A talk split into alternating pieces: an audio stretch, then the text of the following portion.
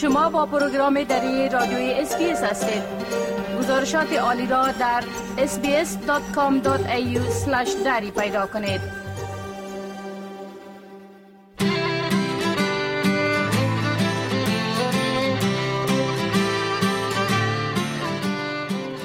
به مجموعه گزارش های معلوماتی زندگی در استرالیا خوش آمدید. من مجیب منیب هستم.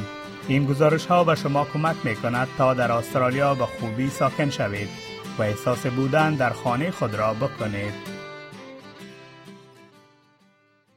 برای مهاجرت به استرالیا بیش از 100 نوع ویزا وجود دارد که به کتگوری های مختلف دستبندی شده. به گونه مثال ویزاهای بشردوستانه، فامیلی، تحصیلی و ویزاهای سیاحت. هر سال تعداد زیاد از افغانها با ویزاهای بشردوستانه و فامیلی به استرالیا می آیند تا زندگی جدید خود را در اینجا آغاز کنند. درخواست دهندگان ویزه های بشردوستانه در خارج از کشور به صورت عموم باید نشان دهند که در کشور خود در معرض خطر ظلم و شکنجه یا تبعیض جدی قرار دارند. دکتر نظیر داور وکیل مدافع افغان مقیم سیدنی می‌گوید که ویزه های بشردوستانه سب کلاس های مختلف دارد و مردم می توانند برای دریافت ویزه های بشردوستانه از داخل و یا بیرون از استرالیا درخواست کنند. ویزه های هومانیتوریان یا ریفیوجی این ویزه های هستند که می‌تونه از داخل کشور می‌تونه از بیرون کشور می‌تونه شخص از کشور خودش و یا از کشور سیومی می‌تونه به ویزا اپلیکیشن بده این ویزه ها ویزه است که subclass 200 201 202 203 204 به اصطلاح از subclass های مهمش است از humanitarian visa که باز شامل از این protection هم میشه ویزای permanent هستی هم که ویزای 866 است. در پهلوی از که ما این ویزاهای permanent humanitarian refugee را داریم در پهلویش ویزای موقتی را هم داریم. مثلا شما دیدین ویزه 449 مردم آمدن ویزه 447 داریم ویزه 451 داریم و در پهلویش دیگه ویزه های مثلا 686 و هم داریم که یا ویزه های موقتی هستن مثلا باز در استرالیا onshore ویزه های سه ساله temporary داریم که مو temporary protection visa برش میگن یا TPV که subclass ی از او 785 است و در safe haven visa داریم که 790 subclass است که او ویزه 5 ساله یا safe haven است. این ای, ای به اصطلاح category های هست که ما در مجموع refugee و humanitarian visa را در بر می‌گیریم در زمان درخواست برای بیشتر ویزه های استرالیا شما نیاز است تا مقدار fees تعیین شده به حکومت استرالیا بپردازید. اما آقای داور می‌گوید که ویزه های بشردوستانه subclass 200 تا 204 هیچ fees ندارد. ویزه های دیگه که شما نامش گرفتین ویزه ویزه 200 ویزه 201 ویزه 202 ویزه 203 و 204 این ویزه ها هیچ fees نداره یا ویزه های ویزه است که ویزه fees نداره ما در مورد fees legal و migration agent و وکیل حقوقدان حرف نمی‌زنم. تنها visa fees ی که باید به دولت تحویل شود او fees ای ویزا ها نداره آقای داور می افزاید برای درخواست به این ویزه ها باید فرمه 842 از سوی درخواست دهنده خانه پوری شود. اما کسی که اسپانسر داشته باشد باید فرمه 681 نیز خانه پوری شود.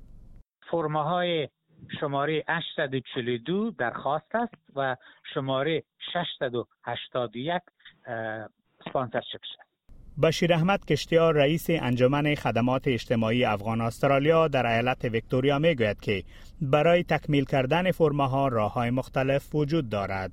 هر هموطن عزیز ما که در اینجا خیششان است، قومشان است، دوستشان است، اقاربشان است، سه گزینه دارند. یک گزینه است که هر کسی که اونا رو تحت از شرایط بشردوستی هیومانیتریان پروپوز می‌کنن یا به اصطلاح به آمیانه بسیار مشهور است که با شما سپانسر می‌کنن اینا می‌تونن فرم ها خودشان تکمیل کنن خودشان پر کنن و خودشان روان کنن در مراجع مربوطه که سلسله مراتب طی کنن مراحل و پیش ببرن. این یک سنت یک دلارشان مصرف نمیشه. چرا فرم رو خانه پوری می‌کنن؟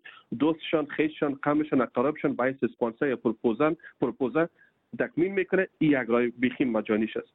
بعضی کسا که اطمینان ندارن چون فرم های ممکن بسیار مغلق باشه و بسیار دقیق خانه پوری شه گزینه دو میره دانه که می‌تونن که از مراجع مختلف حقوقی اینجا تماس بگیرن مشوره های مجانی بگیرن با پرداخت بسیار فیسی ناچیزه. شاید ممکن 200 دلار هم قدرات تمام شه بعضی جایشان چارج می‌کنن و بعضی جای چارج نمی‌کنن. معلومات مجانی در اختیار اشخاصی که در راستا می‌خواین معلومات بیشتر بگیرن برشان قرار میتن و حتی کمکشان می‌کنه در تکمیل فرما و غیره. گزینه سوم که گزینه‌ای است که باید مراجعه کنن با یا با یک agent یا یک وکیل حقوقی در راستا بدون شک مانند دیگه مسلک ها که اس اونا charge خود می‌کنن fees خود دارن.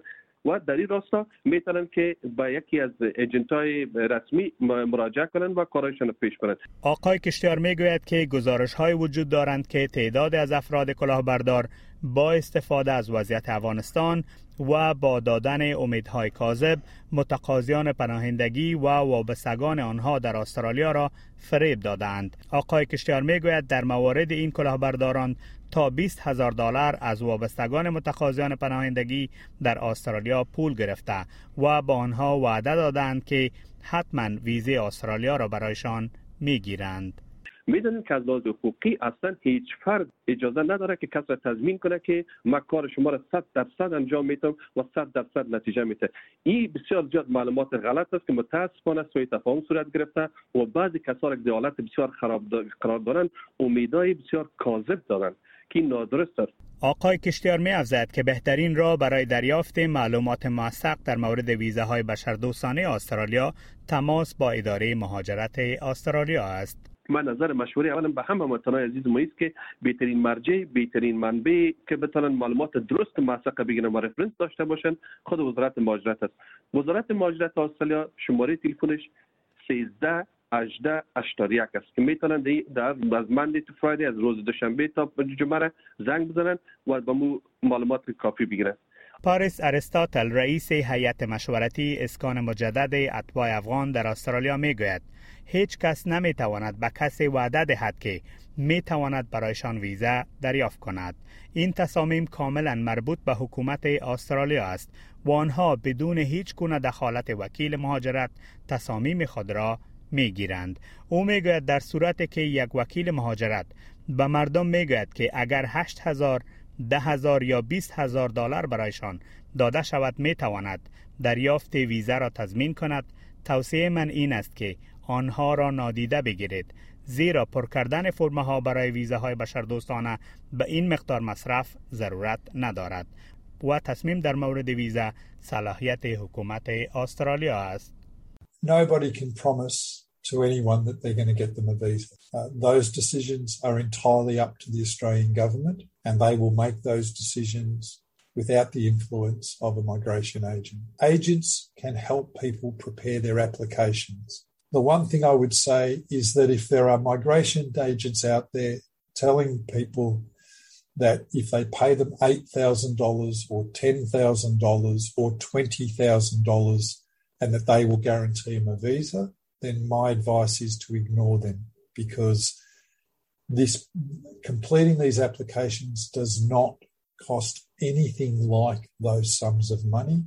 نزدیک به نصف ویزه مربوط به برنامه مهاجرت دائمی استرالیا در سال روان مالی به بخش خانوادگی اختصاص یافتند. در سال مالی 2021-2022 160 هزار ویزه به برنامه مهاجرت دائمی استرالیا تخصیص داده شده که نزدیک به نصف آنها متعلق به بخش خانوادگی هستند. از میان 77300 ویزه موجود در بخش مهاجرت خانوادگی 72300 جایگاه به همسران 4500 جایگاه به والدین و 500 جایگاه دیگر به سایر اعضای خانواده اختصاص داده شده. جیمز بی وکیل ارشد نهاد ویزا پلان می‌گوید که درخواست هنده در صورت که با یک شهروند یا ساکن دائمی استرالیا ازدواج کرده یا در یک رابطه بالفعل باشد ممکن مستحق ویزه همسر شود. مصرف درخواست برای ویزه همسر تقریبا 7800 دلار است.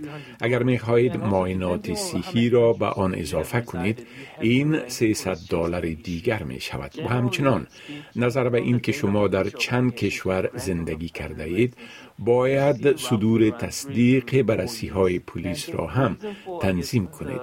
به صورت مجموعی این کار از روز درخواست اولی تا اعطای ویزه اقامت دائمی تقریبا سه تا چهار سال را می گیرد. و فکر می کنم دلیل این مدت زمان طولانی برای اجراعات این است که وزارت امور داخله می خواهد متعقن شود که این رابطه قطع نمی شود و یک رابطه واقعی است و ادامه می یابد.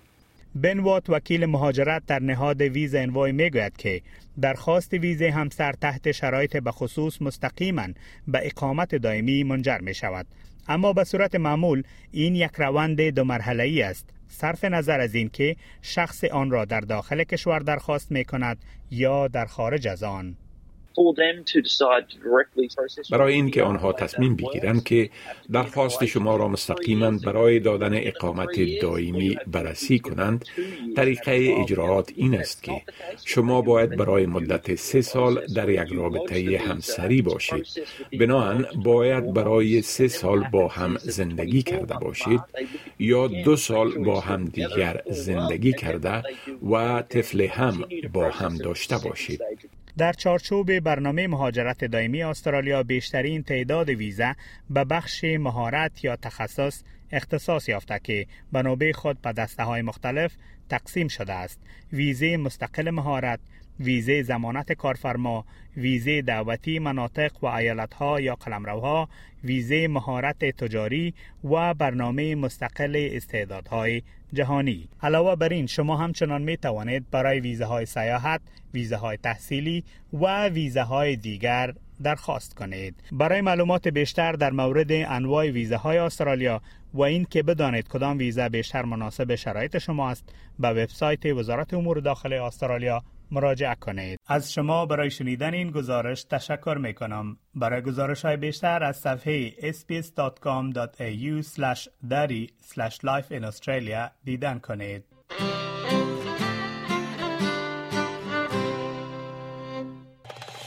بپسندید شریک سازید و نظر دهید.